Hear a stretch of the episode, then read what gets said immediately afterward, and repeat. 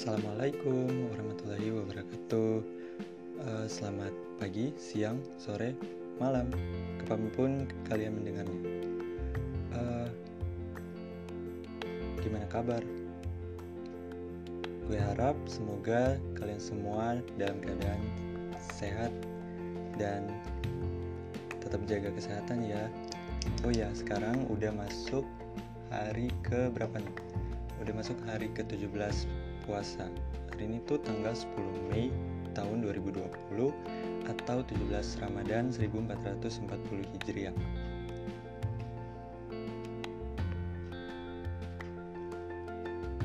Oke, di uh, episode kali ini sebelum gue memulai uh, membahas satu tema, gue pengen menjelaskan dulu nih highlight hari ini. Sorry, maksudnya highlight yang gue apa ya yang entah itu karena gue baca gue nonton atau apa pun itu.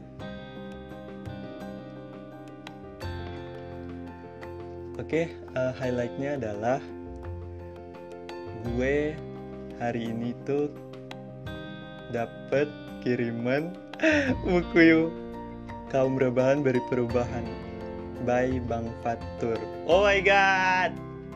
I'm so excited. Gila, buku ini tuh udah gue nanti-nantiin tuh nggak? Uh, gue bakalan bacain sedikit sinopsis tentang buku kaum rebahan beri perubahan ini.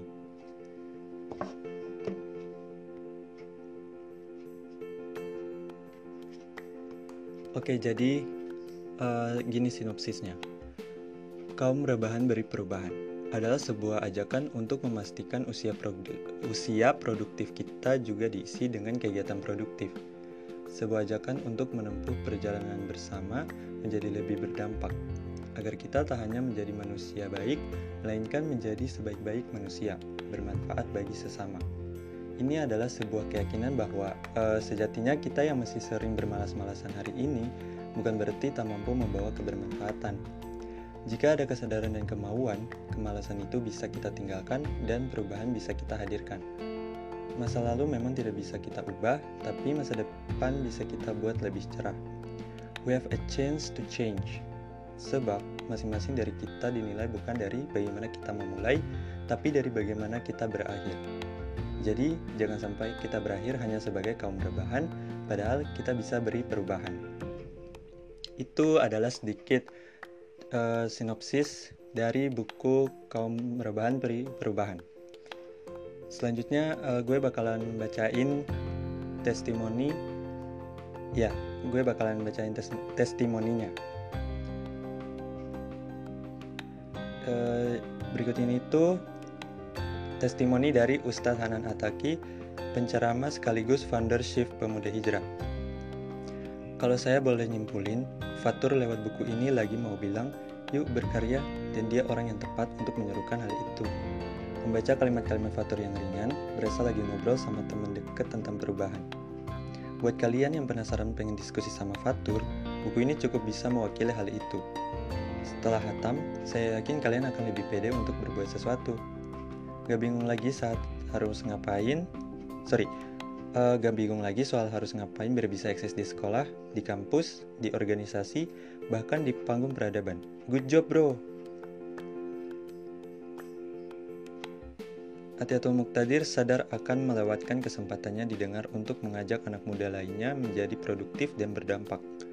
Lewat paparan yang berapi dan didukung spirit kutipan-kutipan candikawan muslim, buku ini mencoba menantang stigma generasi sekaligus mengembalikan anak muda pada kodratnya rebahan secukupnya, berjuang berjuang selelahnya. Dari Mbak Najwa Sihab, yaitu pendiri narasi. Oke, itu dia testimoninya. Wow, uh, berdasarkan testimoni yang gue baca dan uh, dari review-review yang gue lihat di Instagram itu tuh semakin membuat gue pengen beli dan baca buku ini Kenapa? Karena uh, dari judulnya aja tuh ini kan judulnya kan kaum rebahan beri perubahan. Dari judulnya aja itu udah relate banget sama kita terutama anak-anak muda yang uh, apa ya bisa dibilang tuh suka rebahan main HP terus scroll Instagram. Itu menurut gue relate banget sih dan apa ya? Gue rasa buku ini tuh cocok banget buat kita anak-anak muda yang meskipun rebahan tapi di satu sisi kita juga pengen membuat sebuah perubahan. Jadi uh, daripada rebahan gak jelas ya daripada rebahan gak jelas buang-buang waktu gak produktif lebih baik kita melakukan suatu hal sekalipun itu kecil tetapi itu bisa uh, berdampak buat sekitar kita. Oke, itu dia testimoni sama sinopsis dari buku Kaum Rebahan Beri Perubahan by Bang Fatur.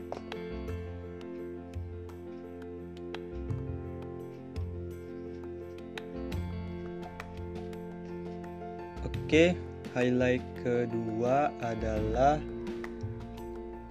apa ya? Hmm,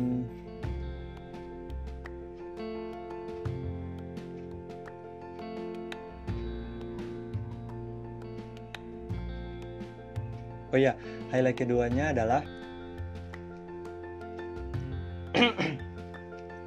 jadi gue ini gue akhir-akhir ini tuh lagi uh, suka dengerin musik atau lagu Aisyah istri Rasulullah yang udah di cover oleh banyak banget orang.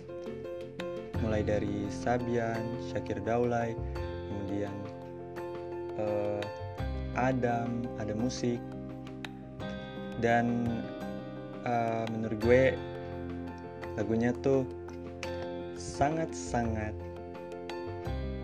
wow. Kenapa? Karena uh, dari judulnya aja Aisyah istri Rasulullah berarti uh, bisa dibilang sorry sorry bukan bisa dibilang berarti lagu itu tuh menjelaskan tentang uh, Aisyah sebagai istri Rasulullah mulai dari ahlaknya kemudian kecintanya kepada Rasulullah terus uh, apa ya? Menyayangi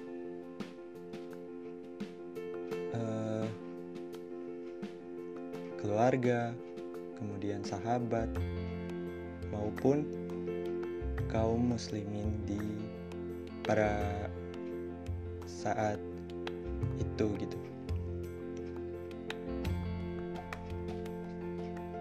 Hmm, apalagi ya highlightnya?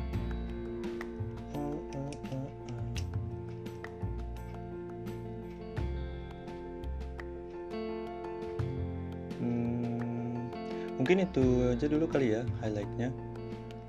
Uh, ntar uh, mungkin nanti kapan-kapan gue bakalan buat highlight lagi.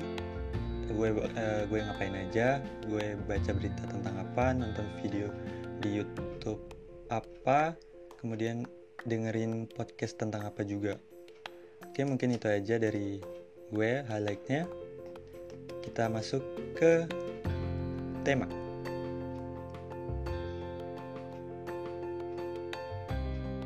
Oke, uh, sesuai judulnya, tema yang pengen gue bahas kali ini adalah tentang uh, gue pengen mereview sebuah buku dari Kak Ardi Muhammad yaitu judul bukunya adalah What's So Wrong About Your Life.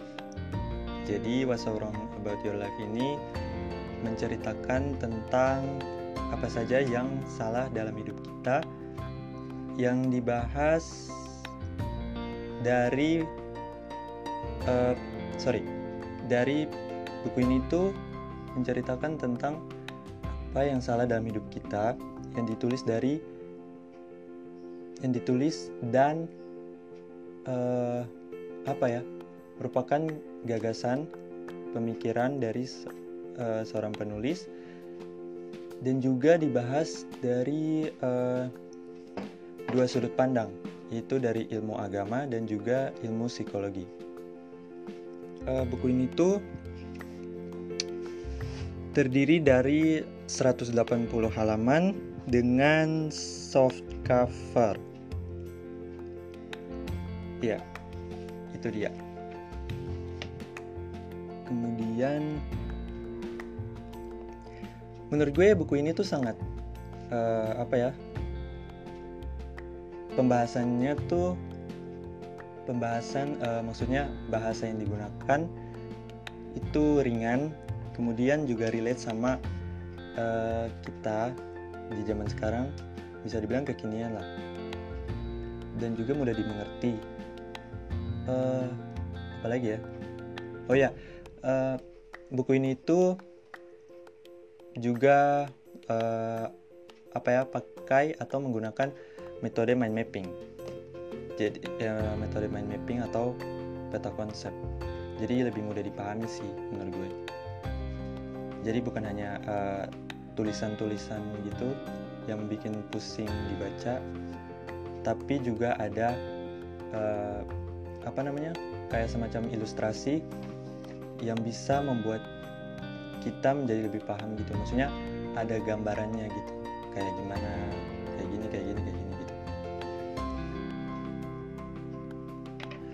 uh, apalagi ya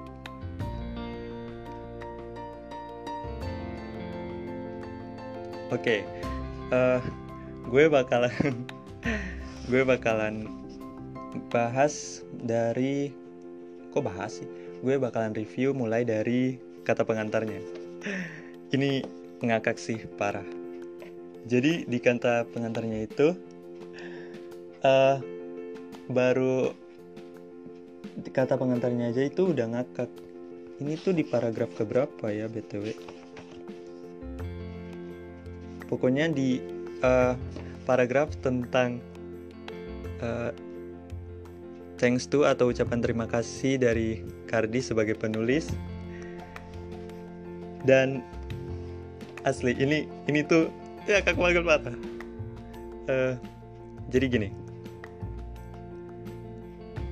uh, jadi gini apa namanya? Paragrafnya. Dana ya ampun haha. Editor anda kreatif banget. Semoga gajinya naik atau jabatannya naik. Sangat-sangat bisa diandalkan. Uh, eh, btw kalimat kalimat dana ya ampun. Itu gue bacanya tuh sambil uh, apa namanya? Bacanya tuh sambil membayangkan uh, suaranya Kardi gitu loh kalau lagi nge-podcast sama Kalvi. Ya, BTW gue ini suka dengerin podcast mereka sama About Life. Jadi uh, gue juga apa ya udah hafal gitu. apa namanya? Udah hafal sama suaranya Kalvi sama Kardi gitu. Ini lucu sih menurut gue.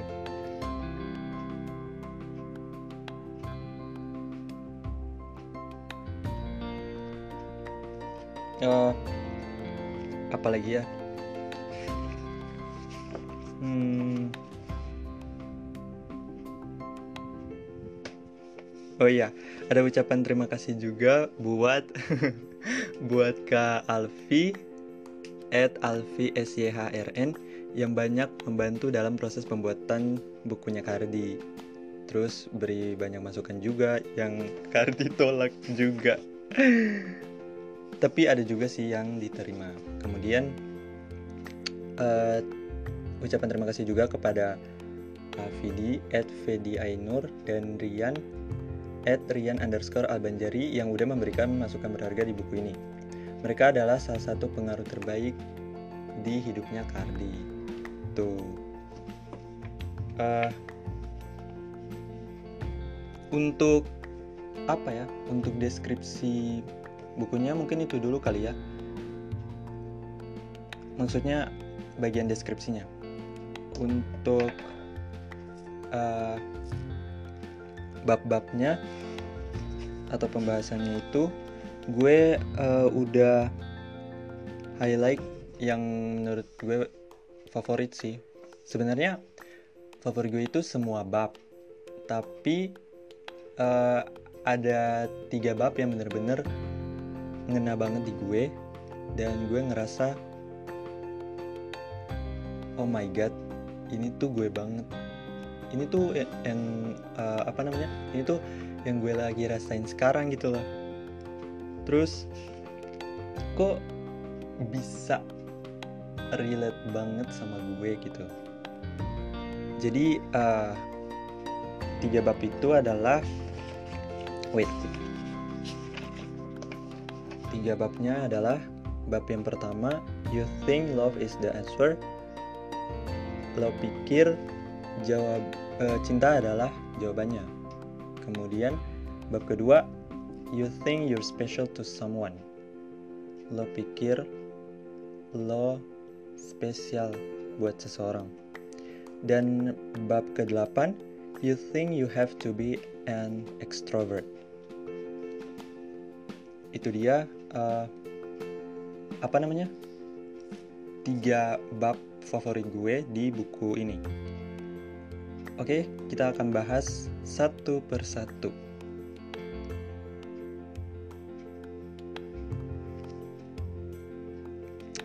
Oke, jadi di bab uh, apa namanya? Di bab yang pertama, you think love is the answer. Jadi di sini tuh uh, apa ya? Tentang uh, membahas tentang cinta bukanlah jawabannya. Seperti yang kita tahu, uh, cinta tuh bukan apa ya, bukanlah jawaban, bukanlah solusi yang tepat uh, dalam sorry, cinta itu bukanlah uh, jawaban, bukanlah solusi yang tepat yang bisa menyelesaikan permasalahan hidup yang uh, yang bisa menyelesaikan permasalahan hidup kita. Hmm, ketika jatuh cinta itu kita akan uh, maksudnya tubuh kita memproduksi beberapa hormon seperti hormon oksitosin. Hormon ini itu berfungsi untuk memberikan rasa nyaman. Contohnya tuh ketika kita lagi uh, berpelukan, itu di mana berpelukan yang erat kemudian ditambah dengan rasa cinta, rasa kasih sayang, rasa kekeluargaan itu tuh bakalan membuat orang yang dipeluk jadi merasa nyaman, jadi merasa uh, apa namanya, jadi merasa aman gitu, jadi merasa dilindungi, jadi merasa uh, apa namanya jadi merasa itu tadi jadi merasa nyaman gitu itu yang pertama uh, hormon oksitosin. Kemudian ada juga sorry kemudian yang kedua adalah hormon dopamin. Hormon dopamin ini uh, apa namanya dia bisa memberikan efek kenikmatan dan ketagihan. Efek kenikmatan dan ketagihan itu sendiri bentar-bentar efek kenikmatan dan ketagihan oke okay. uh, eh, ya efek kenikmatan dan ketagihan jadi kita bakal merasa setelah kita merasa nyaman kita akan merasakan kenikmatan merasa uh, ketagihan, merasa ingin lagi dan lagi. Kemudian yang ketiga ada hormon norepinefrin. Hormon ini tuh apa ya? uh, mampu meningkatkan rangsangan dan kewaspadaan sekaligus membuat jantung kita berdegup kencang. Jadi uh, ketika ada apa namanya rangsangan, ada kewaspadaan, sorry sorry, maksudnya ketika ada rangsangan, ada sesuatu yang menurut kita berbahaya atau nggak aman, itu tubuh kita akan memproduksi hormon norepinefrin ini yang membuat jantung kita berdegup kencang, dik duk dik dik duk gitu. Kemudian keringat dingin, badan gemetar, gugup, dan lain sebagainya. Yang keempat ada hormon serotonin. Uh, hormon serotonin ini mengatur mood dan keinginan seksual yang bisa membuat kita sedikit gila dalam tanda kutip. Jadi uh, ketika apa ya? Jadi ketika kita uh, sedang jatuh cinta, tubuh kita akan uh, berusaha untuk menguasai diri kita. Oleh sebab itu, kita jadi merasa sorry oleh sebab itu kita akan melakukan uh, berbagai macam apa nah apa ya eh, tindakan-tindakan uh, yang secara nggak langsung tuh itu uh, apa namanya salah gitu. Uh, secara nggak langsung tuh itu tuh salah apalagi kalau kita uh, melakukan itu atas dasar mengejar cinta gitu.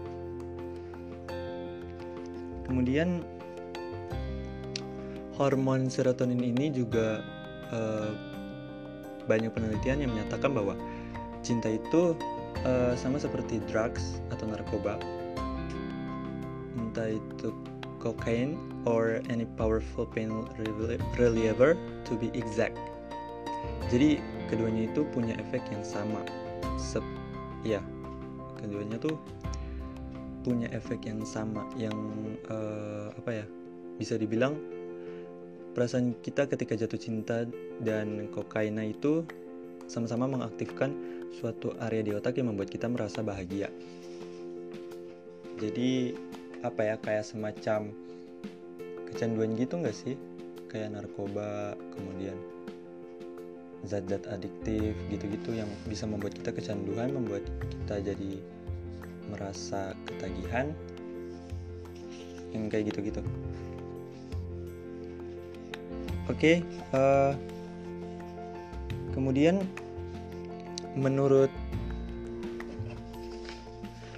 kemudian menurut Katie Hood, CEO dari One Love Foundation, uh, dia memberitahukan beberapa tanda-tanda unhealthy love atau toxic relationship yang berlaku pada uh, semua jenis hubungan. Entah uh, ya yang berlaku pada semua jenis hubungan. Jadi bukan hanya uh, hubungan percintaan tapi juga hubungan pertemanan hubungan keluarga kemudian uh, dan juga pasangan. Gitu. Jadi uh, apa namanya? Tanda-tanda dari toxic relationship itu menurut Katie Hood yang pertama adalah uh, intensity yaitu seberapa uh, seberapa intens interaksi kita atau interaksi satu sama lain antar individu. Jadi kayak misalnya contohnya apa ya pacaran. Itu tuh uh, dalam dalam hubungan percintaan itu seberapa sering sih seberapa intens kita uh, apa namanya berinteraksi antara satu individu dengan individu lain. Misalnya ada cowok sama cewek nih lagi uh, ngedate. Itu tuh uh, bisa dilihat apa ya? Bisa bisa dilihat seberapa sering sih kita ngedate terus bukan cuma ngedate aja ya kayak semua semua aktivitas gitu yang bisa dilakukan berbarengan secara berbarengan itu kita lihat lagi uh, seberapa sering sih atau seberapa intens kita lakukan aktivitas itu bersama uh, contohnya pasangan kita gitu itu intensity. Kemudian yang kedua ada isolation. Isolation sendiri itu, isola, sorry, isolation ini hmm, apa ya? Dibatasi dari teman-teman kita, keluarga kita, sampai aktivitas yang biasa kita uh, lakukan. Jadi apa ya kita tuh jadi merasa apa ya kayak gimana ya? Bentar-bentar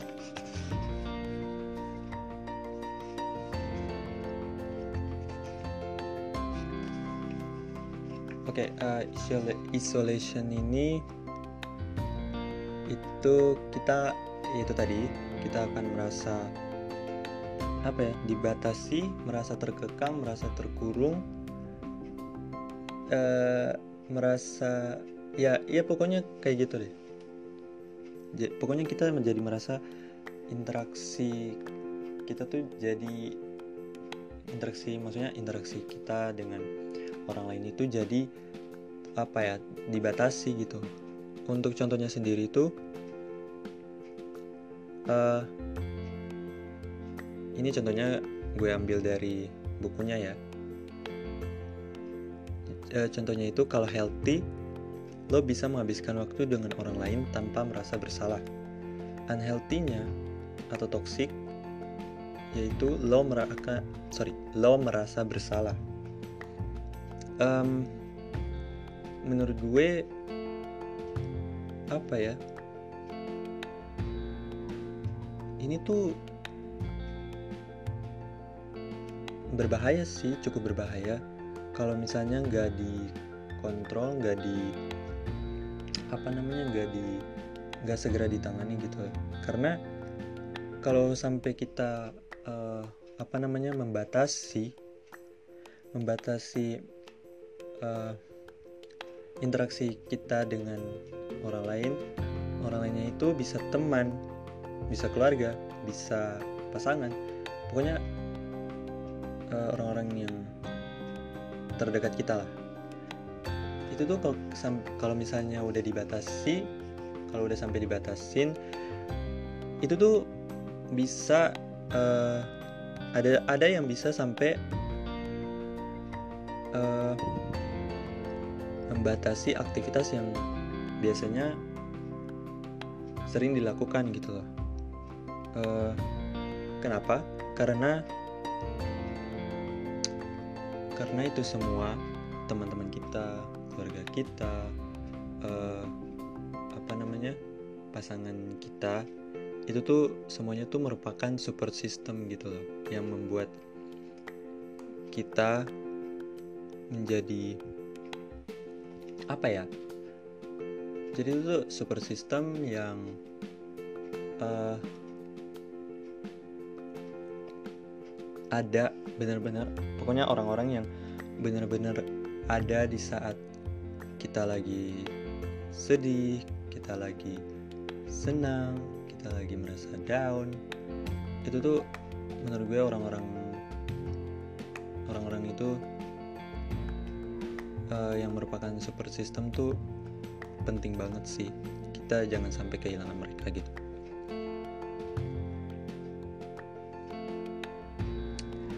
Oke, okay, itu dia isolation. Yang ketiga ada extreme jealousy. Extreme jealousy ini uh, cemburu sebenarnya wajar sih. Tapi kalau uh, apa apa namanya cemburu buta itu yang gak wajar. Uh, ada unsur posesif dan ketidakpercayaan tanpa sebab yang juga diikuti dengan ancaman, keputusasaan, dan kemarahan. Jadi, uh, ya itu dia. Yang keempat ada peremehan. Peremehan ini adalah ketika di ketika uh, kita diremehkan di depan orang lain itu dijadikan uh, bahan candaan yang bikin kita sakit hati, bikin kita kecewa, bikin kita kesel, bikin kita marah. Itu tuh ketika achievement kita itu nggak dihargai atau diremehkan secara langsung maupun tidak langsung gitu loh. Uh, misalnya, contohnya, bisa apa sih lo tanpa gue? Atau ayo jalan percuma lo belajar bakal tetap dapat nilai jelek itu tuh uh, apa ya contoh perkataan-perkataan yang uh, apa namanya yang masuk ke dalam tanda-tanda peremehan maksudnya yang masuk ke dalam tanda peremehan dalam toxic relationship.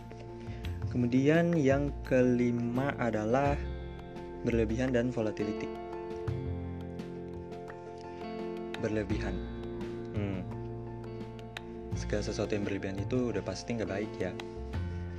Uh, ya, pokoknya segala sesuatu yang berlebihan itu nggak baik. Jadi uh, yang berlebihan itu kalau healthy-nya ya Sedih ya kalau suatu saat uh, sedih ya kalau suatu saat kita nggak ketemu lagi. Unhealthy-nya yaitu gue kalau nggak ketemu dia lagi mungkin bisa depresi, bisa gila. Gue nggak punya siapa-siapa lagi, mending mati aja. Menurut gue itu uh, apa ya? Itu tuh sangat-sangat alay. Karena apa ya? ya lo tuh maksudnya hidup bukan cuman hanya untuk apa namanya melayani atau hanya untuk dia gitu hanya untuk pasangan lo. Tapi lo hidup juga buat lo sendiri dan juga orang-orang di sekitar lo dan juga buat Tuhan lo gitu. Jadi buat apa sih uh, apa namanya buat apa berlebihan gitu dalam dalam apa namanya mencintai? Uh, kemudian sorry sedangkan volatility adalah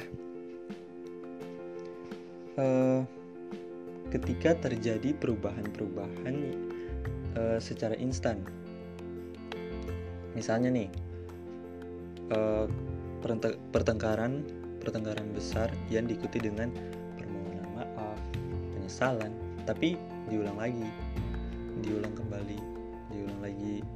Gayanya menjadi sebuah siklus yang rutin. Yang um, menurut gue secara nggak langsung tuh itu toxic sih. Kemudian standar baku dalam mencintai. Kenapa kita harus uh, bentar.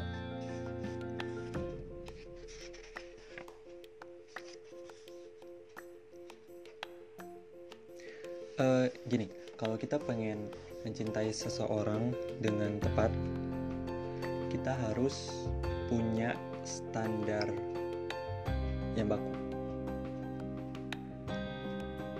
iya kita harus punya standar yang baku gitu uh, standar bakunya ini yang telah standar bakunya itu yang telah ditetapkan oleh Tuhan yang menciptakan kita. Uh, kira-kira apa ya standar baku dalam mencintai seorang manusia? Jawabannya adalah mencintainya karena Allah. Wah, masya Allah. Mungkin ini apa ya? terdengar sedikit religius ya ya karena buku ini tuh memang membahas dari perspektif ilmu agama agama Islam dan juga ilmu psikologi. Jadi uh, menurut gue bagus gitu antara uh, agama sama maksudnya antara akhirat dan dunia. Jadi sama-sama balance gitu. Hmm. Dengan uh, bentar-bentar bentar, bentar dengan mencintai karena Allah kita nggak akan berlebihan. Ya kita nggak akan berlebihan. Jadi uh, setiap apa ya setiap kebaikan yang kita lakukan yang kita berbuat itu tuh uh, atas dasar hanya untuk mendapatkan kecinta hanya untuk mendapat ridho dan cinta dari Allah Subhanahu wa taala. Jadi bukan hanya sekedar uh, balasan dari seorang manusia gitu. Oke, itu dia uh, bab pertama. You think love is the answer. Yeah, you think love is the answer. Cinta bukanlah segalanya. Sorry, cinta bukanlah jawabannya.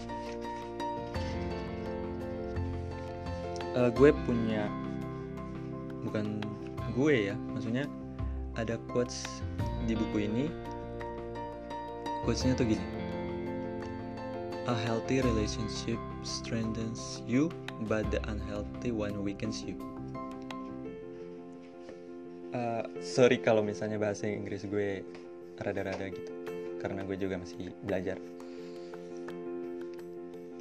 Oke, okay. uh,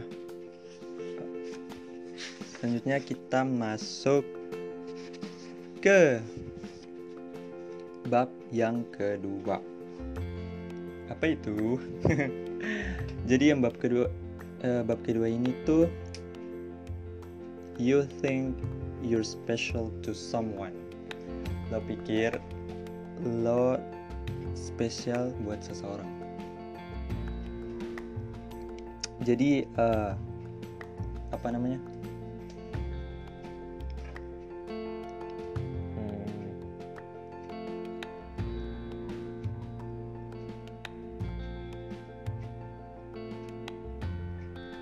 Jadi uh, apa namanya?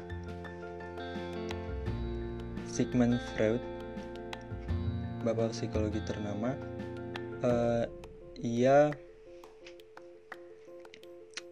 uh, menggunakan kacamata psikoanalisa. Jadi, psikoanalisa ini adalah cabang pendekatan psikologi paling awal yang dikembangkan oleh beliau, si Sigmund Freud ini. Jadi, si Sigmund Freud itu dia uh, apa namanya? menggambarkan bahwa manusia itu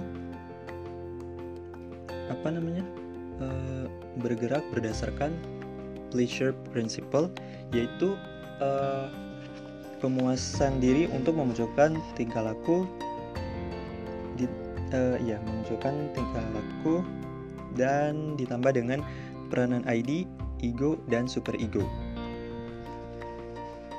Jadi uh, merasa spesial adalah apa ya keadaan di mana seseorang memiliki kepercayaan diri yang berlebihan. And like anything else semua yang berlebihan gak akan berdampak baik. Dan merasa spesial juga. Uh, merupakan lawan dari rendah diri. Lawan dari perasaan tahu diri. Dan merasa spesial adalah perasaan yang adiktif. Itu tadi dibahas di bab 1 uh, adiktif itu bisa membuat kecanduan gitu. Loh jadi uh, ketika kita akan ingin maksudnya uh, apa namanya merasa spesial itu adalah perasaan yang adiktif perasaan yang candu. Jadi kita jadi merasa pengen lagi lagi dan lagi. Jadi merasa ingin menambah rasa cinta itu. Eh sadap oke okay, uh, eh, itu bab yang kedua. Sekarang kita masuk ke bab yang ketiga. Oke okay, bab yang ketiga adalah ini uh, bab ketiga ini nih favorit gue sih Iya, bab ketiga ini tuh favorit gue banget banget banget cuy. Uh, bab ketiga ini tuh you think you should fall. Eh sorry sorry, bukan bab ketiga. Aduh aduh aduh salah lagi. Sorry sorry. Uh, ini tuh masuk ke uh, bab 8 sorry ya ampun udah sampai salah lagi gue reviewnya jadi uh, ini tuh bab maksudnya kalau secara urutan gitu ya. Kalau urutannya tuh yang ketiga tapi kalau babnya tuh bab ke-8 di buku ini. Jadi ini tuh bener-bener favorit gue bab favorit gue. Karena kenapa? Karena ini tuh bener-bener relate banget sama gue gitu. Uh, jadi babnya adalah you think you have to be an extrovert? Hmm.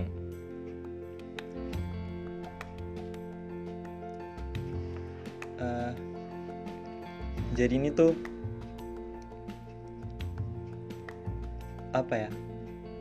Dari judulnya kan ada kata ekstrovertnya tapi yang dibahas di sini tuh bukan dari uh, apa namanya dari sudut pandang uh, ekstrovert gitu. Tapi ini tuh membahas tentang introvert. Wow! Gila gila gila. Ini tuh bener-bener relate banget sama gue. Jadi uh, introvert. Jadi gue bakalan ngejelasin sedikit ya apa yang gue pahami dan yang gue tahu dan yang gue pelajari yang gue baca gitu. Jadi uh, introvert adalah kepribadian manusia yang uh, apa namanya?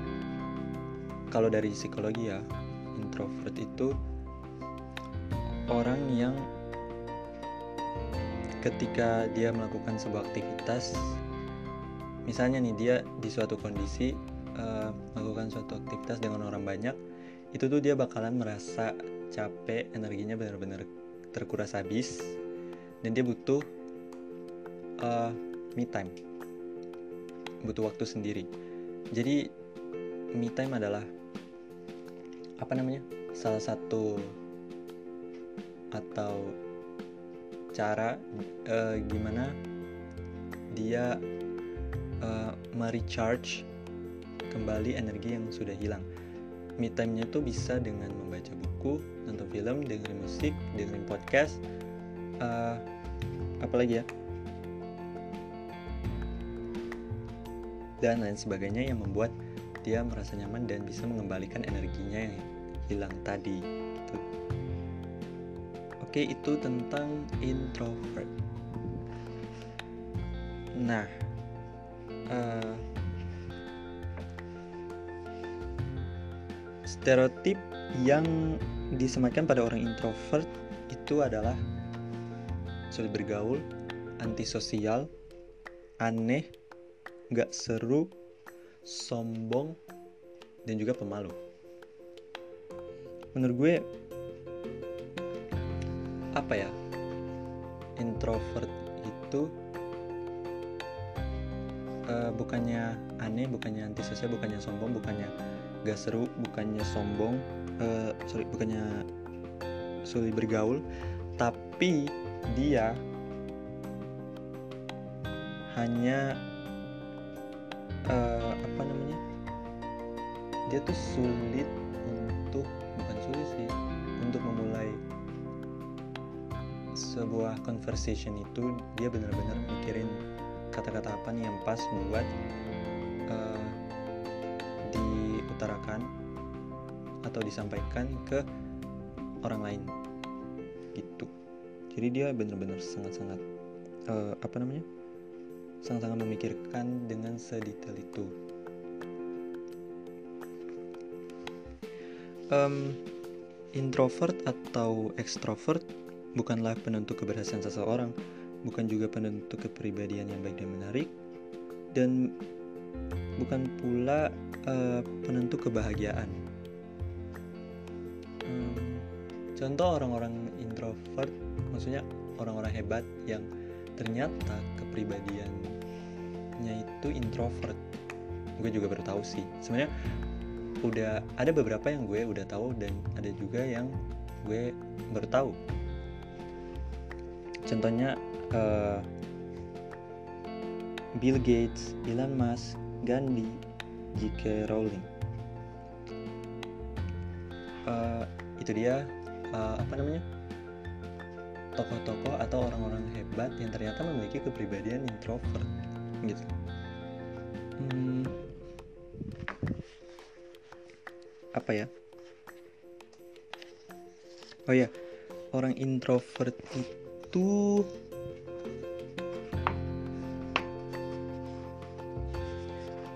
uh, bentar bentar. Uh, apa ya? Introvert dengan malu maksudnya perasaan malu itu beda. Uh, apa ya? Introvert itu maksudnya menjadi orang yang introvert bukan berarti kita nggak bisa berbicara di depan umum orang ekstrovert juga bisa merasakan malu orang introvert juga bisa malu. Um, apa namanya? Dan juga banyak yang ini sih nggak jago when it comes to public speaking. Jadi uh, baik uh, ya malu itu perasaan apa ya kayak perasaan takut terhadap penilaian orang sekitar. Jadi uh, malu itu bukan privilege khusus yang di apa ya yang dimiliki oleh orang introvert. Dan juga menurut gue public speaking ini tuh bisa dilatih sih. Maksudnya skill public speakingnya ya itu tuh bisa dilatih. Dan juga public speaking tuh apa ya skill yang bisa dilatih kemudian ini juga berpengaruh ke jam terbangnya pengalamannya gitu. Um, karena orang-orang yang nggak bisa public speaking itu tuh nggak punya ilmunya dan pengalamannya aja gitu. Jadi nggak um, ada alasan sih buat orang-orang introvert kayak gue ini uh, apa namanya? Merasa uh, aduh gue nggak bisa ngomong di depan banyak orang nih. Aduh gue jadi aduh kalau gue ngomong kayak gini orang kan bakal ketawain gak ya? Gue malu soalnya. Nah itu tuh menurut gue jangan sih. Bukan jangan ya maksudnya uh, apa sih? Jangan janganlah jadikan itu tuh alasan gitu aja gue juga uh, apa namanya juga merasa gitu kalau pengen apa namanya pengen ngomong di depan umum gitu. Gue jadi malu jadi merasa apa ya uh, untuk memulai sebuah conversation itu sulit. Dan biasanya kalau gue udah ngomong tuh kaku banget jadi terbata-bata kayak gini. Uh, uh, gitu. Hmm. sebenarnya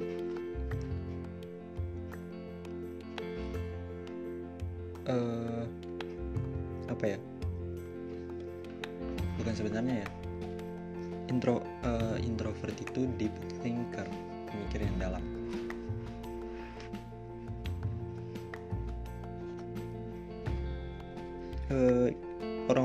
introvert itu juga menikmati percakapan tapi yang uh, deep talk gitu yang meaningful bukan yang sekedar hanya basa-basi doang.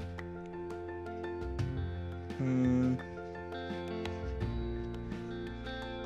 apa ya? Itu dia. Tentang introvert. Yang apa ya introvert itu deep thinker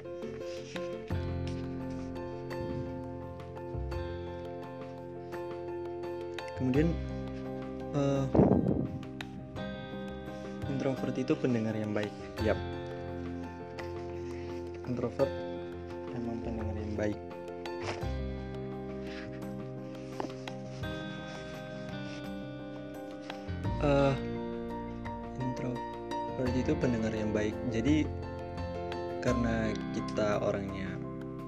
maksudnya orang-orang introvert itu malas berbahasa basi pertanyaan tontor itu biasanya pertanyaan-pertanyaan yang apa namanya apa namanya yang dalam yang penuh makna yang pertanyaan-pertanyaan yang berat bobotnya gitu. Yang menurut gue memang seru untuk dibicarakan untuk didiskusikan gitu loh. Introvert juga uh, apa namanya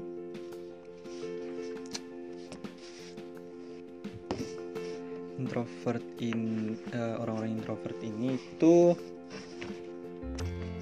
bentar bentar. Orang-orang introvert ini orang-orang introvert ini itu uh, we pay attention. Jadi kita tuh fokus kita bisa fokus dan gak cepet bosan uh, ada di ada bagian di otak kita yang membutuhkan banyak ya sorry. Ada uh, apa namanya bagian di otak kita yang nggak membutuhkan banyak rangsangan. Sehingga ketika mendengarkan sesuatu kita bisa fokus dan konsentrasi terhadap satu hal gitu. Introvert itu observant. Ya introvert itu observant. Mengobservasi sekitar mengamati sekitar uh, apa namanya memperhatikan sekitar. Jadi uh, sampai ada jadi gini gue tuh uh, kalau misalnya lagi ngobrol sama temen jadi kalau misalnya gue lagi ngobrol sama temen atau sama orang lain itu tuh uh, kalau misalnya udah nggak tahu mau ngomong apa udah ngestak itu gue bakalan diem. Dan gue diem itu uh, ya dan gue di, bakalan diem. Sampai temen-temen gue atau orang-orang di sekeliling gue di sekitar gue tuh pada bilang mat lo kok diem aja sih dari tadi? Ngomong dong. Uh, diem diem baik gitu. Um, well sebenarnya gue diam bukan karena gue uh, takut untuk ngomong bukan karena gue gugup tapi gue lebih memilih untuk mengobservasi lebih memilih untuk uh, memperhatikan sekitar gitu loh. Jadi bukan hanya sekedar melamun bengong nggak ngapa-ngapain. Kemudian uh, ya mengobservasi. Yaitu kita bisa uh, orang-orang introvert kayak kita itu lebih suka menganalisa sebelum uh, terjun atau sebelum memutuskan sesuatu. Um, apalagi ya? Uh, iya, orang introvert itu imajinatif. bisa membayangkan menjadi orang lain. Hmm, jadi uh, karena kita orangnya introvert, maksudnya karena kita orangnya itu imajinatif, jadi kita bisa membayangkan uh, bagaimana posisi kita ketika uh, apa nih kita bisa membayangkan uh, kalau kita jadi orang lain. Maksudnya kalau kita berada di posisi orang tersebut. Misalnya nih ketika uh, gue ambil contoh ini ya gue ambil contoh yang sekarang uh, lagi wabah pandemi covid-19 itu kan uh, banyak tenaga kesehatan yang ini ya uh, banyak tenaga kesehatan yang gugur yang wafat gitu. Uh, dari situ kita bisa uh, membayangkan gimana uh, rasanya berada di posisi mereka ketika kehilangan orang-orang yang mereka cintai dan sayangi gitu. Itu pasti sedih banget. Sedih banget. Udah nggak bisa berkata-kata lagi. Uh, apa ya?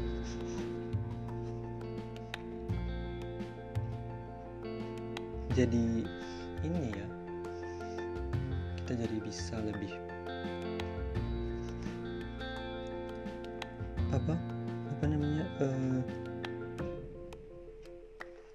itu kita jadi bisa lebih uh, sorry sorry. Kadang-kadang uh, itu dia atau misalkan kita membayangkan hal-hal uh, yang lucu sampai-sampai membuat kita itu jadi tertawa sendiri hanya dengan bermodalkan imajinasi dan membayangkan hal-hal yang lucu yang konyol yang apa ya hal-hal yang ada di kepala kita gitu. Next orang introvert itu well prepared. Itu memperhitungkan segala kemungkinan. Uh, apa ya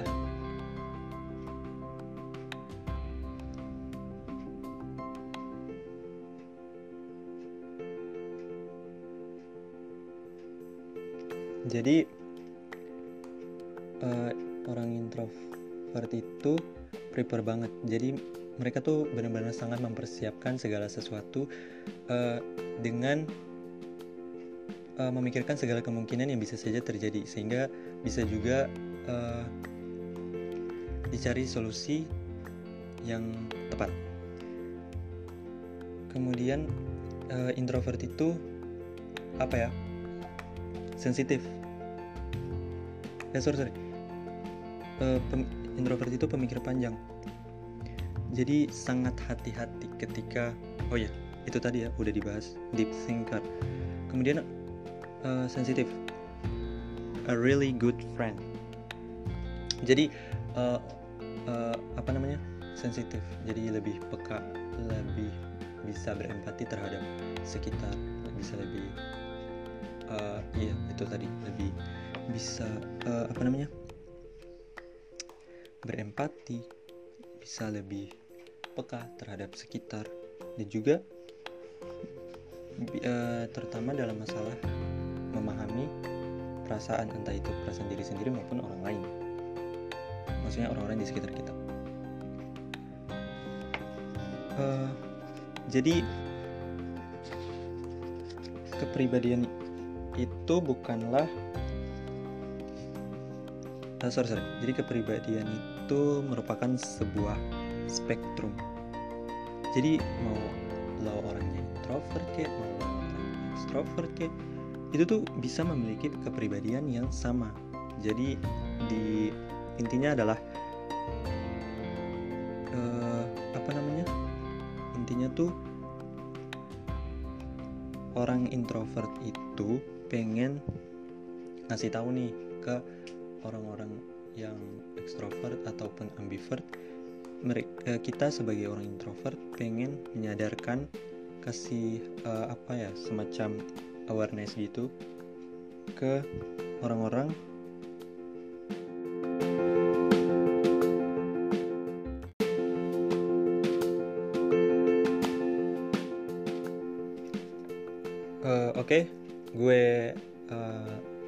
lagi. Sorry tadi kepotong. Jadi kepribadian itu merupakan sebuah spektrum gitu. Jadi mau orang mau lo orang introvert kayak mau lo ekstrovert itu bisa uh, memiliki kepribadian yang sama. Jadi uh, in, inti dari ini semuanya ini semuanya adalah uh, gue maksudnya inti dari uh, ya inti dari apa namanya bab ini itu adalah pengen kita sebagai orang introvert pengen kasih awareness atau apa ingin menyadarkan kita, eh, ingin menyadarkan ke orang-orang bahwa orang-orang introvert kayak kita itu merasa kepayahan dengan kondisinya.